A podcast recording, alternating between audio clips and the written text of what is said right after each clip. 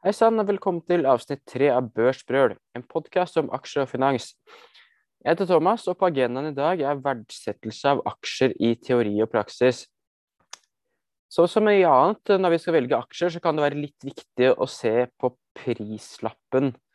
Eh, dette er noe vi gjør enten vi går på butikken, eller vi skal kjøpe bolig eller andre ting. Men også når vi skal kjøpe aksjer, så er det eh, tidvis viktig å se at vi ikke betaler for mye for dem.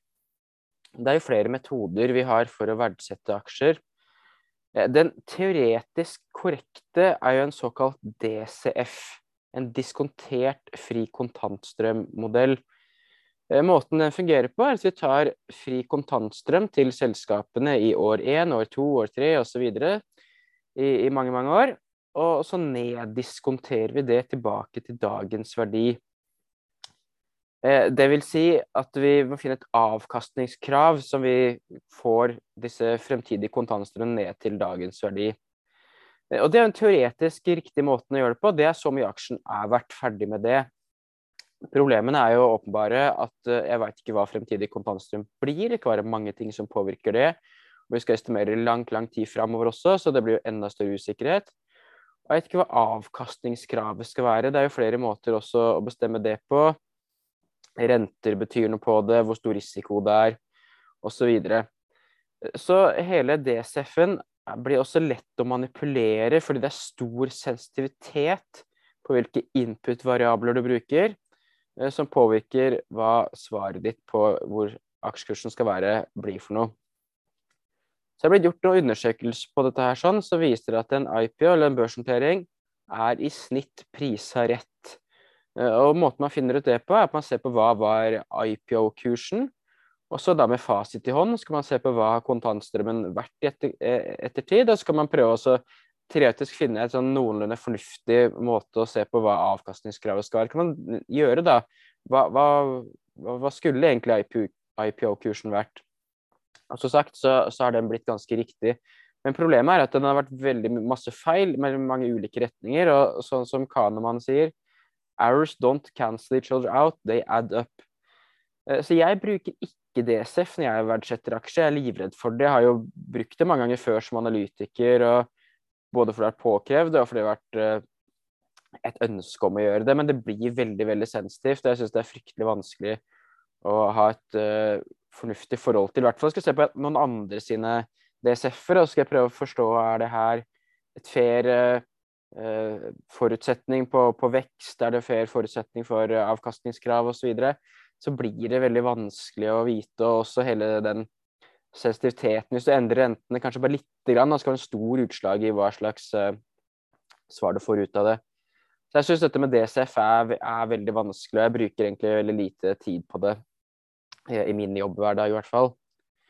Det som jeg derimot bruker mer tid på, uh, som er en, en, forenkling, er dette vi kaller for multipler. Og da har vi to typer multipler. Det er EV-multipler og prismultipler. EV-multipler, altså EV står for Enterprise Value, selskapsverdien, som er summen av egenkapital og nettogjeld. Eller så har du da prismultipler som kun går på egenkapitalen. Så har vi noen fordeler og ulemper med begge. Eh, jeg eh, som investor så vil jeg være aksjonær i et selskap, så jeg er mest opptatt av egenkapitalen. Så for min del så passer prismultipler best. Hvis du jobber med M&A, eller vurderer å kjøpe opp et selskap, enten sjøl eller jobben din, så vil EV, eller selskapsverdien, være mer riktig, fordi du da får med deg hele balansen, også eh, gjeld. Eh, så, i et så, sånn setup så vil det da være mer relevant å se på en EV-multiple. Og en EV-multiple er også relevant eh, hvis du da er aksjonær i et selskap du tror kan bli kjøpt opp. Eh, eh, fordi hvis noen skal kjøpe det opp, så må de forholde seg til hva EV-en er. EV-multiple kan også være relevante dersom du tror et selskap vil endre kapitalstruktur. Det skjer ikke så veldig ofte, men, men det kan være relevant da. Jeg kan f.eks. Uh, bruke Hovedstaden, det svenske eiendomsselskapet, som eksempel. At de har veldig veldig lav belåning relativt til alle andre eiendomsselskaper. Eh, så hvis jeg tror at det plutselig skal de endre kapitalstruktur Nei, vet du, nå skal vi ikke ha jeg tror de har 15 belåningsgrad eller noe sånt. Hvis det skal gå til 60, da, eh, og de skal betale et masse ekstra utbytte, så vil det påvirke multiplen. Da ville, ville jeg tatt på et vis feil, da, hvis jeg forholdt meg til en prismultipel og ikke en EV-multipel. Så det her vil jo kunne påvirke hvis selskaper endrer kapitalstruktur, men, men sagt, det skjer ikke så, så, veldig, veldig ofte. Se på hvilke EV-multipler vi har, så har vi dette som heter EV Sales. Det er ikke jeg noen stor fan av. Hvis du tar selskapsverdien, så deler du på salgsinntekten til selskapet. Og Hvis man skal bruke det, så må det nesten være i en fase der selskapet ikke har de marginene de langsiktig burde ha. Det kan godt hende det er en tidlig fase, gå med underskudd. Så er, hvis man må bruke EV-salg, så tenker jeg at det er selskaper som ikke har den underliggende kvaliteten. I hvert fall ikke enda, som jeg liker å se på. Så i de selskapene jeg investerer, så er ikke EV-salg så spesielt relevant.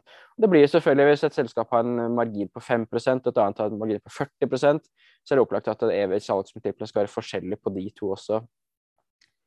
EV-EBDA, eller EBDA, det er driftsresultat før avskrivninger og amortiseringer og, og renteskatt, er heller ikke i, fanklubben av. Eh, nettopp fordi renter, skatt og husleie, sånn som det er blitt med IFRS 16, så hus, blir husleie nå eh, sett på som egentlig et, uh, et lån. Uh, sånn at du må da amortisere det lånet. Det der vil jo komme inn som en avskrivning og samtidig som en rentekost. Så EBD vil ikke ha med noe husleiekost i seg, selv om det åpenbart er en kostnad som du må, må betale. Og det, også dette med kapitalisering av, av kostnader Eh, hvis du skal utvikle nye produkter, så kan du kapitalisere kostnader. Altså du, du kostnadsfører det ikke. De tar det da over kontantstrøm og balanse isteden. Vil uansett komme under EBDA. Eh, sånn at eh, to ulike selskaper som har en ulik måte å kapitalisere kost på, vil bli eh, ulikt. Tilknytta selskaper er noe som kommer under EBDA, minoriteter det samme. Og investeringsbehov, eller rett og slett hvor mye trenger du å investere over tid for å opprettholde eller vokse det du holder på med. To selskaper eh, som eh, det ene har en EVBDA på 2, og den andre har en EVBDA e på 15 f.eks. Det kan godt hende det på EVBDA 15 er billigere enn det på 2, rett og slett for et helt annet investeringsbehov. Så Derfor så er mange grunner synes jeg, til å være skeptisk til EVBD. Det er mulig du kan bruke det på noe rigg og shipping eller noe tilsvarende. Det ikke er noen vedlikeholdsinvesteringer, men uansett ikke noe jeg bruker mye tid på. EV-EBIT er ikke det verste. Det er fortsatt ulempene med at det, selskapet kan ha ulik skattesats eh, og ulik rentekostnad, og minoriteter i tilknytning til selskap må også behandles rett. Eh, så det er ikke det verste nøkkeltallet, men eh, som sagt så har det fortsatt en del svakheter her, sånn som nødt til å hensynta. Eh, dette med skatt f.eks. er at eh, Equinor med 78% skatt vil ha en annen EV-EBIT og EV-EBITDA for den saks skyld, multiple, enn et selskap som betaler en eh, normal skattesats. Sier seg, sjøl, men noe verdt å, å, passe på. Og Det kan også være et selskap på tvers av land som ulike skattesatser og mange andre ting man må passe på. Så jeg er ikke noe så spesielt fan av uh, i hvert fall ikke EV-EBITDA, EV-EBIT, som sagt, noe bedre. Og så finner man en gang på nye multipler, sånn som EV til ARR, eller Annual Recurring Revenues, eh, som en del software-selskaper har funnet på. Og det, og det, blir jo ofte sånn at man finner på noen nye multipler hvis ting ser dyrt ut på alle all mulige andre multipler, for å kunne være positiv til det. Og man har jo dukka opp også dette med rule of 40, som man kaller det, der man skal summere vekst og EBDA tror jeg det er margin. altså Hvis det er eh, over 40, så er det bra. Hvis det er under 40, så er det dårlig. All, all mange tommelfingerregler og forenklinger som, som, jeg sliter litt med. Man kan også bruke eh, EV-AV, eller kall det bruttovarianten av pris-bok. Eh, jeg skal snakke litt om bokverdier etterpå, så jeg, jeg, bruker ikke så veldig mye tid på, på det nå. Og så er dette med EV fri kontantstrøm til totalkapitalen. Og som jeg nevnte innledningsvis, da, på DCF så er jo fri kontantstrøm er jo egentlig det viktigste nøkkeltallet. Problemet til fri kontantstrøm er at den varierer ofte veldig mye, og det kan være gode grunner til at den har negative perioder. F.eks. selskaper som gjør store investeringer, oppkjøp eller uh, har store svingninger i arbeidskapitalen. Uh, så ofte så liker jeg egentlig heller å bruke tall fra resultatregnskapet Men du må avstemme det mot kontantstrømmen over tid. Eh, fordi kontantstrømmen svinger typisk mye mer. Eh, men så lenge det stemmer over tid, så, så med resultatregnskapet så er vel det en normalisert måte å se det på, som jeg syns er mer fornuftig. Så jeg syns eh, dette med fri kontanter Kjempegode selskaper kan ha negativ fri kontantstrøm enkeltår av ulike årsaker, som f.eks. de jeg nevnte. Hvis du hopper til prismultipler, da, som jeg liker bedre som uh, en del av uh, egenkapitalprising for, for, meg som aksjonær, uh, som det blir mest relevant for, så, no, så ser jeg noen ganger noen bruker pris-salg, og det blir en feil multiple. Det samme gjelder pris-EBDA, pris-EBIT. Grunnen til det er at du skal bruke en egenkapitalmultiple, så må du også sammenligne det med egenkapitalen. Og hvis du da går på salg EBIT, så er det før rentekosten. Så da sammenligner du ikke epler og epler. Så det er rett og slett feil multipler. Nå må du bruke EV-salg, EV-EBITDA, EV-EBIT hvis du skal bruke det. Du kan ikke bruke pris der. Prisbok kan du derimot bruke fordi du har egenkapital mot egenkapital. Eh, den er jeg ikke noe glad i, fordi jeg syns bokverdier er veldig vanskelig å forholde seg til om er riktig. Masse eksempler på nedskrivninger av eh, bokverdier, og det er fryktelig stor forskjell i hvordan bokverdiene kaster av seg. Egentlig så liker jeg kanskje typisk selskap med litt høy prisbok, jeg, da. Det kan enten være gjennom at mye av verdien i selskapet ikke ligger i den bokførte egenkapitalen. Typisk så vil jo bokført egenkapital være noe du bare kan kjøpe. Det kan være en fabrikk eller en båt eller en rigg eller noe annet som, som, det egentlig bare krever penger for å gjøre. Men du kan bygge en god del eh, verdier som ikke kommer i bokverdiene, som er eh, såkalte motes eller eh, konkurransefortrinn som er, er, vedvarende. Det kan være god kultur, eller kostnadslederskap eller byttekostnader eller, eller, eller, andre ting. Litt sånn som Warren Buffett eh, tror jeg har sagt, at eh, du, her har du 10 milliarder dollar, gå og kopier Coca-Cola. Og så er ikke det så lett, for de har et brand som, som ikke er lett å kopiere. Og Det gjelder jo også, det kan jo også godt være at et selskap har fått høy bokverdi, for de har gjort oppkjøp da, av selskaper som har hatt det er gjort på langt over prisbok, sånn at du får en mer reell bokverdi i det. Men alt i alt, så, så sagt, eh, jeg liker ikke prisbok noe, noe spesielt godt uh, bruke. Det typisk så kan du fort ende opp med dårlige selskaper hvis du bare skal kjøpe ting som er billig på prisbok, for de typisk kaster dårlig av seg også. Pris utbytte, eller en omvendt dividend yield, må man jo spørre seg er utbyttet vedvarende. Betaler fryktelig mye nå, men så blir alt eh, borte snart. Da er jo det en litt risikabel måte å gjøre det på. Tabbe jeg gjort eh, sjøl for mange år siden. Eh, og så kan man også spørre seg, Der burde egentlig selskapet reinvestere overskuddet sitt heller enn å betale utbytte. Man kan godt bruke pris utbytte eller en dividend deal, men det bør sette opp mot en del andre ting, ikke bruke det isolert. Men så leser avisen at du finner i selskapene høyest dividend deal, og så noen liker å skryte, skryte, av det. da, At ja, vårt selskap har kjempehøy dividend deal. Og så er vel egentlig det bare en refleksjon at markedet ikke tror på at det er, at det er vedvarende. Og Hvis du har en høy dividend deal, så sagt på en annen måte skal liksom aksjen være lav prisa. Hvis aksjen er lav prisa, så burde du kanskje ikke betale utbytte, men heller kjøpe tilbake aksjer. Eh, så mange grunner spør meg til kanskje ikke se på det der, i hvert fall ikke isolert. PE, price earnings, er min favoritt, Den er ikke feilfri. Grunnen til at det er min favoritt, er at eh, jeg er aksjonær, så jeg er interessert i hva som kommer tilbake til meg. I EPS, eller earnings per share, så er både skatt, renter, minoriteter og tilknyttede selskaper, husleie som nevnt, avskrivninger. Avskrivninger som sagt, kan du kalle en normalisert investering, er hensyntatt. Så i den E-en er en best proxy for hva som kommer tilbake til meg. Så er det noen ting å være obs på, på, her også. Hvis du har veldig lav cash conversion, altså kontantstrømmen er mye lavere enn E1, EPS-en, over tid, så kan det tyde på enten at du har aggressiv regnskapsføring, og det er i hvert fall et, et rødt flagg. Eller det kan også bety at det krever mye kapital å drive med den forretningen du gjør, eh, som gjør at eh, over tid så vil kontantstrømmen ligge etter eh, EPS-en, spesielt hvis du er et selskap i vekst. Eh, F.eks. et uh, oppdrettsselskap da, må binde mye kapital i anlegg og fôr og ulike andre kostnader før de kan få sløya og solgt fisken og fått noe penger inn. Og Sånn er det med andre typer selskaper også. så jeg tror det er viktig da også, Hvis du skal bruke PS, må du sette litt opp mot en cash conversion over tid. Cash conversion da i min verden definert som kontantstrøm delt på EPS, og så er mange forutsetninger til grunn på det. Det kan også være eh, farlig å bruke PE hvis det er et selskap som har eh, altfor mye gjeld. Jeg husker jeg fulgte Norwegian Property, og tilbake tror det var i 2008, så handla det om PE på to. Om PE på to er lavt, du egentlig til å bare tjene pengene dine i to år, da, så, så har du tjent inn hele markedsverdien. Problemet var at de hadde altfor mye gjeld, og de måtte gjøre en brutalt utvannende emisjon. Da kjøpte du på P2, så var det fortsatt ikke noen god investering. Så jeg liker jo også å se på selskaper som har solid balanse, så for meg så er ikke det her noe stor risiko uh, sånn sett heller. Om et selskap plutselig endrer kapitalstruktur, sånn som jeg nevnte på hovedstaden i stad, så kan også potensielt P være, uh, være feil.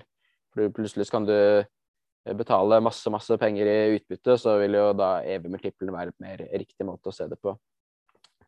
Og så er det så sagt prisfri cashflow er det beste, men du må se det opp mot at kontantstrømmen svinger veldig mye. Og heller se på eh, cash conversion over tid opp mot PE. Noen liker å bruke P-group valuation. Altså du ser på et selskap og sammenligner med andre selskaper som driver med det samme. Typisk sånn der Telenor mot Telia, mot Elisa da på telekomsektoren. Og det finnes jo mange andre sektor du kan sammenligne selskap på. For meg så er det uh, for snevert, fordi det du kanskje tar feil på, er at hele P-gruppen er feil uh, verdsatt. Kanskje alle selskapene innenfor den sektoren her er for dyre eller for billige. Det er jo dumt å eie det billigste riggselskapet hvis egentlig alle var for dyre, eller, eller det motsatte for den saks skyld. Og for det andre så kan jo ulike selskaper i samme bransje ha helt ulike egenskaper være en markedsleder mot en utfordrer. De kan ha ulik vekst, ulike marginer, kan ha ulik kvalitet, kan ha ulik belåning. Eh, som gjør at det er god grunn til at selskaper eh, i DNP-gruppen har eh, helt ulike verdsettelse. Noen ganger så ser du på det, hvis du ser grafer over lang tid eh, med selskaper i energi Jeg brukte f.eks. den svenske verste sektoren. Jeg så på Atlas Copco, SKF, Sandvik, Alfa Laval og Trelleborg uh, som jeg kom på nå. Og det er ikke sånn at det alltid det, det er sånn at disse svinger helt, helt synkront. Gode selskap forblir ofte gode, og du er verdt å betale ofte en litt høyere pris for et godt selskap enn et middels eller dårlig selskap. Uh, over tid så, så, kan det gjerne lønne seg. Så jeg synes det er litt, og derfor så, Men analytikere henger så veldig ofte opp i det der, syns jeg, i hvert fall fra min tid som analytiker, at ja, men det ene selskapet er litt billigere enn det andre, så liker vi det billige litt bedre enn det dyre. Det kan godt hende det er riktig, men det er ikke isolert det eneste du kan se på, fordi det kanskje er en god grunn til det. Og så er også Det blir litt eh, feil når en, man skal endre kursmål på selskapet fordi peer-prisingen har endra seg. da. Og Da kan det fort bli en, en litt sånn circle reference egentlig i det der sånn. Hvis vi hopper videre til å se på hva det som påvirker multipler, altså kan vi også ta litt etter hvert på hva er en høy og en lav multippel. Men uh, hvis jeg ser på hva som påvirker de først, så er kanskje det mest åpenbare er rentene. Hvis det er høye renter, så er du kanskje mer sugen på å sette penger i banken eller i statspapirer, fordi de kan gi god avkastning. Hvis jeg skal kjøpe et selskap på en PE på 20, da, så snur du den opp ned, så blir det en earningsgild på 5 hvis jeg kan da få 5% putte pengene i banken, hvorfor skal jeg da kjøpe et selskap med P på 20? Godt hende det er smart, fordi vi skal vokse mye, så neste år så tjener de mer penger, så EPS-en går opp, mens rentene kanskje ikke går opp, men blir flate. På den annen side så er det jo mer risiko å kjøpe et selskap, da, så man skal sette det litt opp mot hverandre. Men høyere renter gjør at multiplene går ned, alt annet like. Hvilke vekstutsikter et selskap har, vil også påvirke multiple. Et selskap skal vokse 5-10% i, i mange år framover, da, så ja, da vil de tjene mer med penger. Så hva de prises på på dagens inntjening, kan kanskje være et ganske høyt tall, da, siden det tallet gradvis går nedover. Og vice versa, selvfølgelig. Hvis et selskap tjener mindre og mindre penger framover, så er det jo helt fair at det er eh, lavt, eh, en lav multiple på det. Eh, hvor stabil inntjeningen er, eh, betyr også noe Hvis du har en inntjening som svinger masse, så er folk mindre betalingsvillighet for det, og det er helt OK. Hvis du tjener eh, kanskje 10 kroner per aksje ene året, så tjener du 2 neste år, så tjener du 20, og så tjener du kanskje minus 5, så er det veldig vanskelig egentlig å vite hva et sånt selskap er verdt. Eh, så da vil du typisk sette alt annet like en, høy, unnskyld, en lavere multiple på inntjening til det selskapet. Og sykliske selskaper, eh, sånn som eksempelet jeg nevnte, er skal man kanskje typisk kjøpe når det er litt dyre, da. For hvis de er litt dyre, så er det kanskje fordi inntjeningen er, er lav relativt til hvilken syklus de, de, er i. Et defensivt selskap vil typisk ha mye mer stabil margin og stabil inntjening. Og da har man høyere betalingsvillighet for det. kjøpe et dønn defensivt selskap, da, tatt sånn som Nestlé f.eks., kan du betale ganske høy multiple på det, for det er, i hvert fall historisk, da, vært utrolig defensivt. Og du kan nesten uh, ta og si hva er lang i bankrente, og så kan snu det opp ned og si at ja, det, det er helt fair multiple å betale for et sånn type selskap. Kontantstrømmen til et selskap betyr også noe for, for multiplen. for hvis det krever veldig mye kapital å vokse framover, eh, så vil man gi en lavere multiple på det. Kanskje det kan bli komme emisjoner fremover. Ja, uansett så vil det eh, hvor stort kapitalbehov også påvirke hvilken multiple du vil sette på et selskap. Så er det ting som er så viktig, det med narrativer eller historier og popularitet. Eh, noen ganger så, så, får selskap veldig høy prising, for du har veldig gode, eller gode er kanskje feil, men veldig eh, interessante og, og attraktive historier rundt seg. Det kan være alt fra disse grønne selskapene for et år eller to siden, som hadde en veldig eh, blå himmel foran seg, og så viste det ikke bli helt sånn. Men historiene rundt selskaper betyr mye for verdsettelsen av dem. Det kan være Tesla for den saks skyld, som hadde en veldig veldig høy verdsettelse. Har det kommet mye ned? og Ikke vet jeg om den kursen skal opp eller ned, men i hvert fall så, så gode historier påvirker verdsettelsen av selskaper og hvor populære de er. Troverdigheten til ledelsen i et selskap betyr også noe, og da må man ikke misforstå om at det skal være så bullish som mulig. Eh, fordi hvis du alltid er som et selskapsleder positiv, eh, og det ikke alltid er riktig, så vil du ikke være troverdig. Hvis du sier det sånn som det er, og alt er forventningsrett, så vil det være bedre for verdsettelsen av selskapet over tid. Selv om det virker som noen selskaper tror at eh, jo høyere du skriker og mer positiv du er, jo bedre er det. Så, så viser det seg å ikke være sånn det faktisk er, da.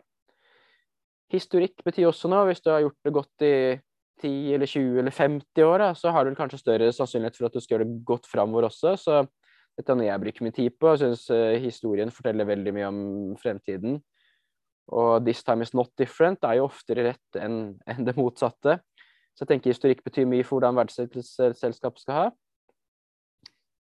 Eh, kvalitet burde også bety noe, men, men, det gjør det ikke alltid. Selv om kan du si, MSCI World Quality er litt høyere verdsatt enn MSCI World, for å sammenligne kvalitet mot uh, totalen, uh, så er det likevel sånn at når kvalitetsaksjer over tid gjør det bedre uh, over flere titalls år, så er, det, så er en refleksjon av at det egentlig er for lavt verdsatt. Kvalitet det er ikke sånn at kvalitet eh, koster så veldig mye mer i aksjemarkedet. ser vi også sånn i Norge. Da. De to selskapene jeg ser på som kanskje de med høyest kvalitet, er Bouvet og AF-gruppen. Ingen av de handler på sånn spesielt høye verdsettelsesmultipler. Jeg gikk jo tilbake på Bouvet da, så på for ti år siden.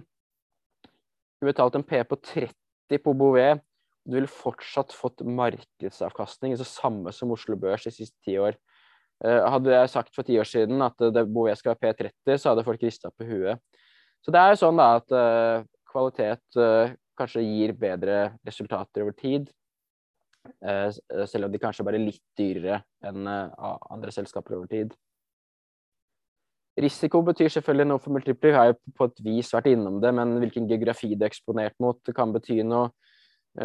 Russland har jo vært et, ikke en veldig gunstig geografi vært i i det siste. Ofte hatt lave multipler, og nå ser, vi at det har vært for en god grunn. Gruveselskaper i Afrika kanskje er et annet eksempel, og til og med kanskje laks i Norge da, er eh, et eksempel på en risikabel geografi Og verden. Var jeg veldig mye på sånn politisk risiko. Eh, men eh, belåning er jo opplagt også en, en risiko hvis du har en fare for at du må gjøre emisjon, eller kanskje i hvert fall gå konkurs, så vil du få en lav multiple på bakgrunn av det. Og hvis du er i en fase med superlønnsomhet, da, Sånn som kanskje Mersk var for et halvår år siden. Mersk, det danske rederiet, handla på en P på 1,6. Så vi har sett at containerraten har falt masse etter det. og det er jo sånn Hvis du er i en fase med superprofit, så skal man ikke prise at det skal vare. Og litt vice versa. Så hvis selskapet tjener for, for lite eh, i forhold til hva de kanskje burde gjøre, så, så kan man kanskje ha en høyere multiple på det sånn sett. I tillegg vil likviditet og eiersituasjon bety noe. En, likvid aksje vil typisk ha flere potensielle kjøpere og da blir liksom sånn tilbudt positivt for det, mens en illikvid aksje er kanskje færre som er interessert i å, å kjøpe. Selv om det kan være veldig fint å eie illikvide, illikvide, illikvide, aksjer. Faktisk har jo mange av de selskapene gjort det best på Oslo Børs gjennom 20-30 år, vært veldig illikvide.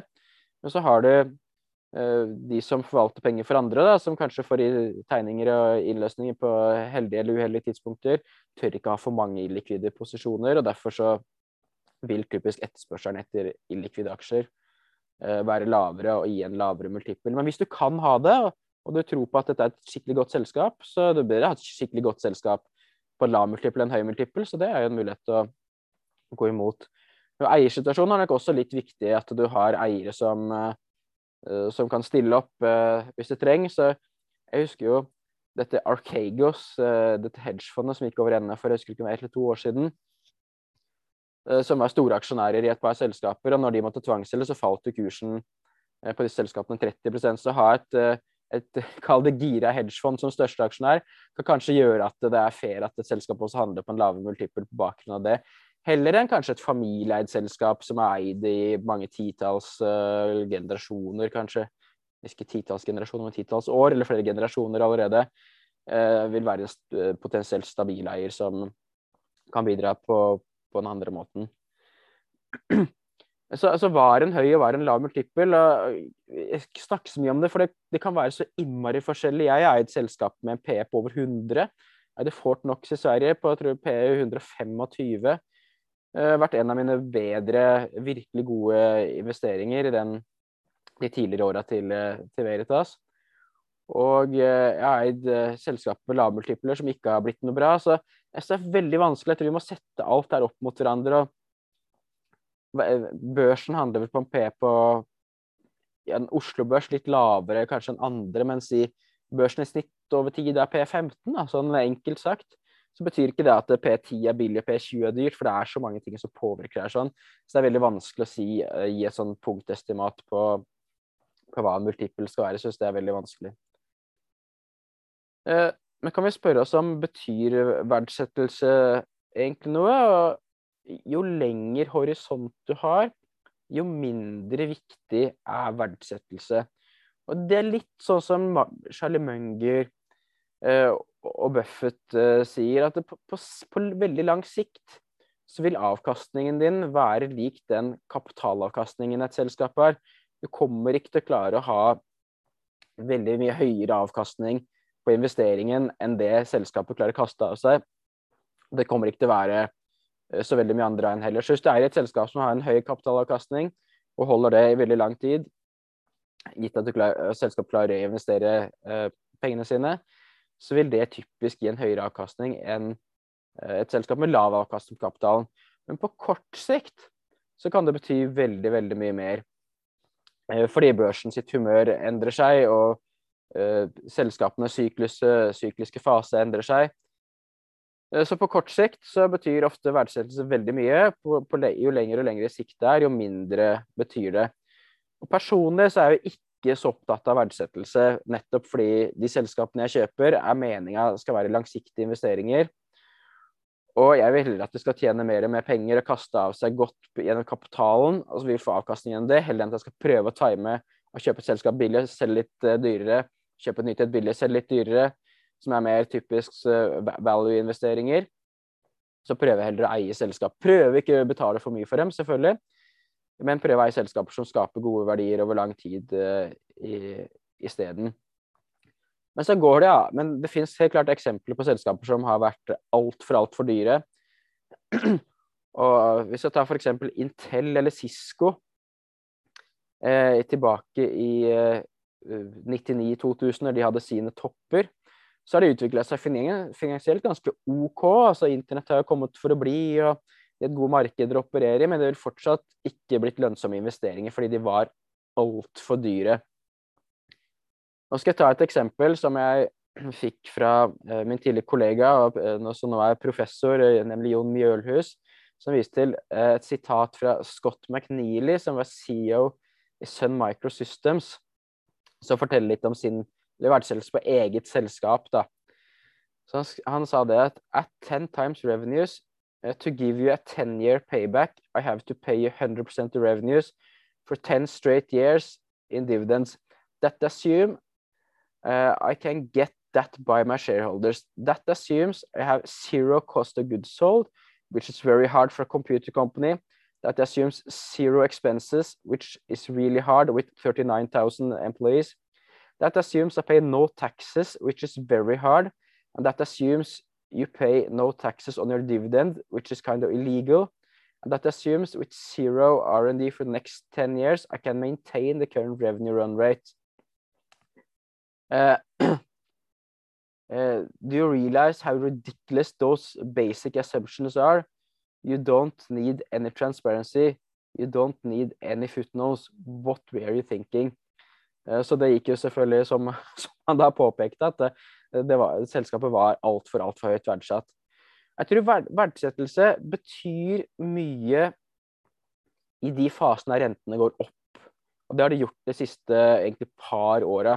Derfor har jeg også sett det f.eks. på selskapet Euronex, Growth, som kom på børs f.eks., og andre selskaper som altfor høyt pris, som har vært på børs lenger for den saks skyld, falt masse, for de var, var, for dyre. Og det viser seg spesielt i de periodene rentene går opp og multiplene går ned. I perioder der rentene går ned, så er kanskje tvert imot dyre selskaper det beste å ha. Da, eller selskap ikke dyre selskap, men selskap med kontantstrømmer lenger frem i tid.